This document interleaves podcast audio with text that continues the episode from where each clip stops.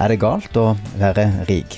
Hva er mest bibelsk eh, korrekt, å være rik eller fattig? Er det bedre å klare seg med lite, eller ha mye penger og klare seg på egen hånd? Ja, dette er noen utfordrende spørsmål.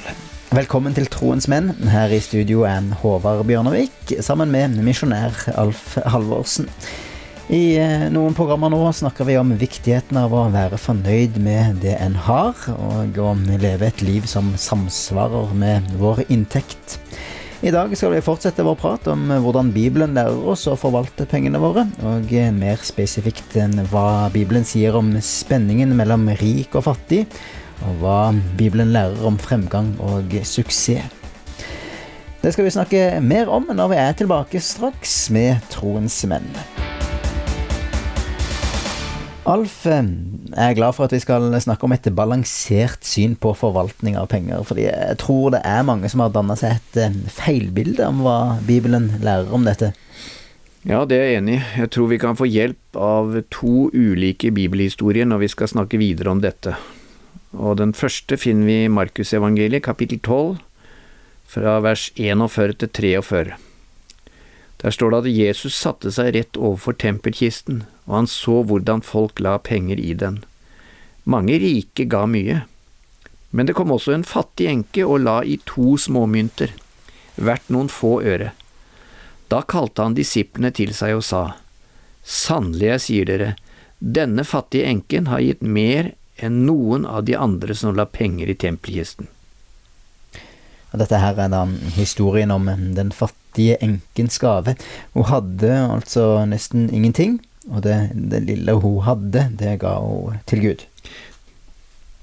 Den andre historien er fra Lukasevangeliet kapittel 19 og beskriver Sakkeus sitt møte med Jesus. Der står det at Jesus kom inn i Jeriko og dro gjennom byen. Der var det en mann som het Sakkeus, han var en overtoller og svært rik, han ville gjerne se hvem Jesus var, men han kunne ikke komme til for folkemengden, for han var liten av vekst. Da løp han i forveien og klatret opp i et morbærtre for å få se ham på et sted hvor han måtte komme forbi. Og da Jesus kom dit, så han opp og sa til ham, Sakkeus, skynd deg og kom ned, for i dag må jeg ta inn hos deg. Han skyndte seg da ned og tok imot ham med glede. Men alle som så det, murret og sa han hadde tatt inn hos en syndig mann. Men Sakkeus sto fram og sa til Herren, Herre, halvparten av alt jeg eier, gi jeg til de fattige, og har jeg presset penger av noen, skal de få firedobbelt igjen.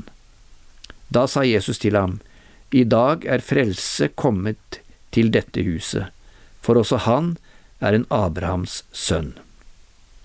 Ja, så i den første historien hører vi om ei veldig fattig dame, og denne neste historien handler om en veldig rik eh, mann.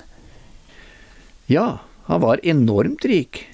Han var helt i andre enden av rikdomsskalaen enn den fattige enken. Men hør hva Jesus sier om disse to. Ja. Om enken, som var veldig fattig, sier Jesus, denne fattige enken har gitt mer enn noen av de andre som la penger i tempelkisten. Og om Sakkeus, som var veldig rik, sa Jesus, i dag er frelse kommet til dette huset, for også han er en Abrahams sønn. Så hvem av disse to hadde det mest bibelske forholdet til penger?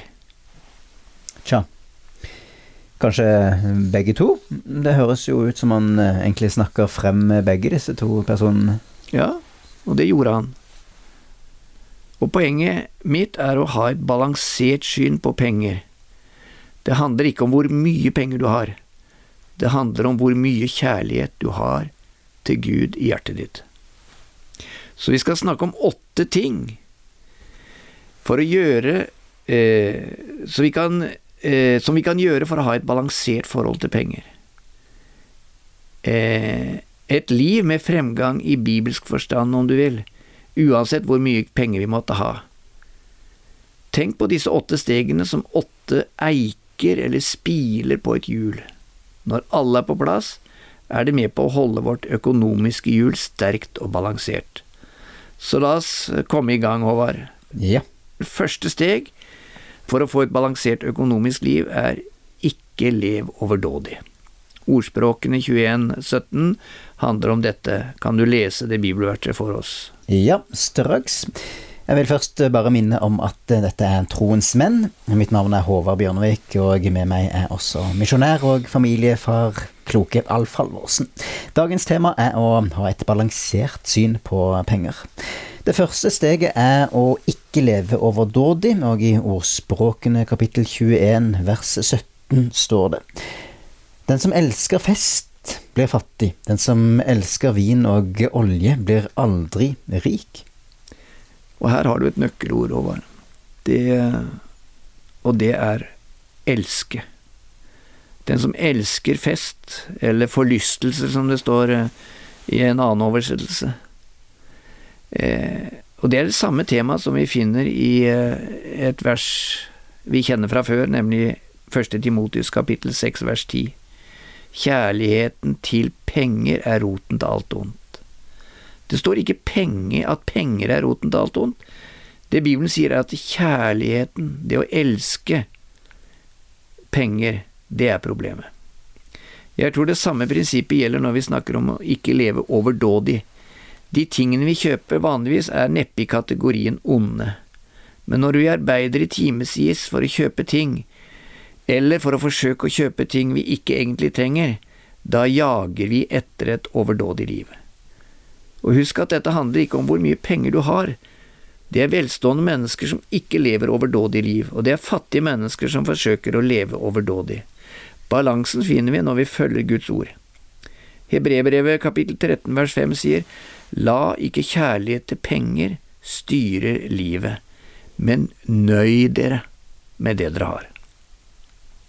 Så det første steget, eller den første eiken på hjulet, er da å ikke leve overdådig. Hva er det neste steget til et balansert økonomisk liv, Alf?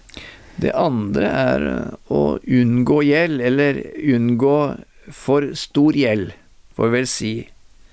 Ordspråkene 22 vers 7 sier den rike er herre over den fattige, den som låner blir slave under långiveren. Overforbrukt og økt gjeld er en stor hindring for å ha et balansert økonomisk liv. Altså snakk om å ha gjeld som står i stil til inntekten. I det forrige programmet vårt snakket vi i mer detalj om dette, så jeg oppfordrer til å lytte om igjen til det programmet. Ja, det kan være en god idé. Det heter 'Bruk mindre enn det du tjener', og du kan eh, høre det på vår hjemmeside norea.no eller troensmenn.no. Alf, eh, det tredje steget, da, hva er det? Forvalte eiendelene dine godt. I mhm. ordspråkene 27-23 så står det 'merk deg hvordan sauene ser ut'. Det er en uh, litt annen økonomi enn en uh, pengeøkonomien, men uh, det er det samme. Merk deg hvor hvordan sauene ser ut, ha omsorg for buskapen din. I forrige program snakket vi om å ha en plan for økonomien. Den planen bør inneholde en oversikt over eiendelene dine, for mange mennesker vet ikke verdien av alt de eier. Men det er også en annen side ved det å forvalte eiendelene våre som er viktig. Det er egentlig ikke våre eiendeler, nemlig. Vi er forvaltere av Guds eiendeler, og Gud forventer at vi er gode forvaltere. Dette ser vi tydelig i Matteusevangeliet kapittel 25. I en lignelse forteller Jesus om en mann som betrodde tjenerne sine eiendeler før han reiste bort. Før han reiste ga han fem talenter til én, to talenter til en annen og én talenter til den tredje tjeneren. Alt etter evnene til den enkelte. Etter en lang tid kom mesteren tilbake og holdt dem til regnskap for hvordan de hadde forvaltet rikdommen hans. Tjenerne som hadde fått fem talenter, hadde fått fem til. Tjenerne som hadde fått to talenter, hadde tjent to til. Men den som hadde fått én talent, hadde gjemt dette i et hull i jorden. Han ga det tilbake og unnskyldte seg for ikke å ha gjort mer. Mesteren hans gav ham en tydelig tilbakemelding. Du dårlige og late tjener.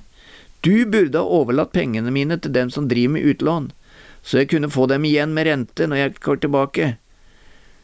Det vi ser i denne lignelsen, er at det handler ikke om pengebeløpet, men om hvordan vårt hjerte er i forhold til Gud. Ja, ok. Når jeg da tenker på noen av de eh, ekteparene som jeg kjenner som har en god og balansert økonomi, så er det noen som har mye penger, og andre har lite. Men eh, alle eh, ærer da Gud med sin økonomi. Og jeg vil tippe at de også er fornøyd. Ja, det kan virke sånn. Det er faktisk noen av de mest fornøyde menneskene du kan møte. Ja, da høres det ut som de sannsynligvis lever etter disse åtte prinsippene flotte folk som eh, jeg blir glad av å tenke på.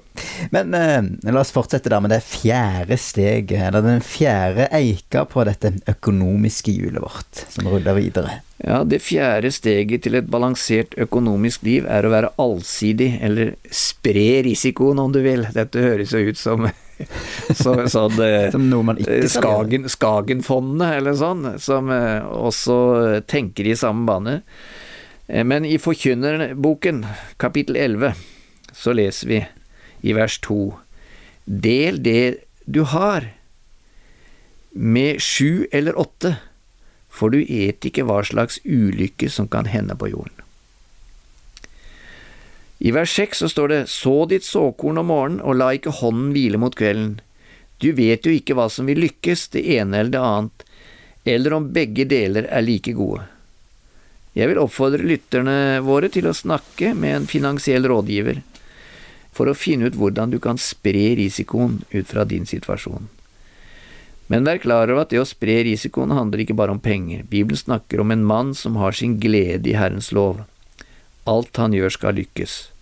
Så når du bruker tid med Gud, be om at han må vise deg hvordan du skal bruke tiden og kreftene dine. Så da er den fjerde eika på hjulet vårt eh, som et bilde på balansert økonomisk liv på plass. Eh, det skal være åtte eh, til sammen, da. Den første er ikke lev overdådig. Den andre er unngå gjeld, eller for mye gjeld. Den tredje er forvalt eiendelene dine. Og den fjerde er spre risikoen din. Og den femte, da, Alf Ja, har du en trommevirvel? Ja, det det ligger vel strengt tatt ikke inne i budsjettet her. Oi, oi, oi, det var en nedtur. Eh, nei, men eh, faktisk så liker jeg det, Håvard. Ja. Ingen overdådigheter, det er veldig bra. Men eh, vi skulle videre til det femte steget til et balansert økonomisk liv. Ja. Og det ifølge boka vår av Lonnie Berger. Og det er å holde seg borte fra syndig oppførsel.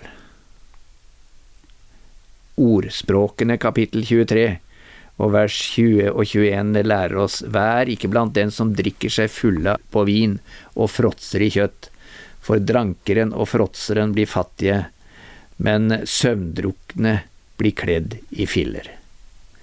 Vi bør ikke bruke de pengene Gud har velsignet oss med på festing, pornografi, rusmidler, gambling eller en hobby som gir oss et høyt forbruk.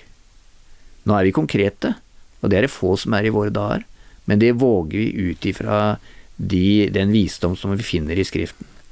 De synlige konsekvenser vi ser av disse syndene, er økonomiske problemer. Eksemplene er mange.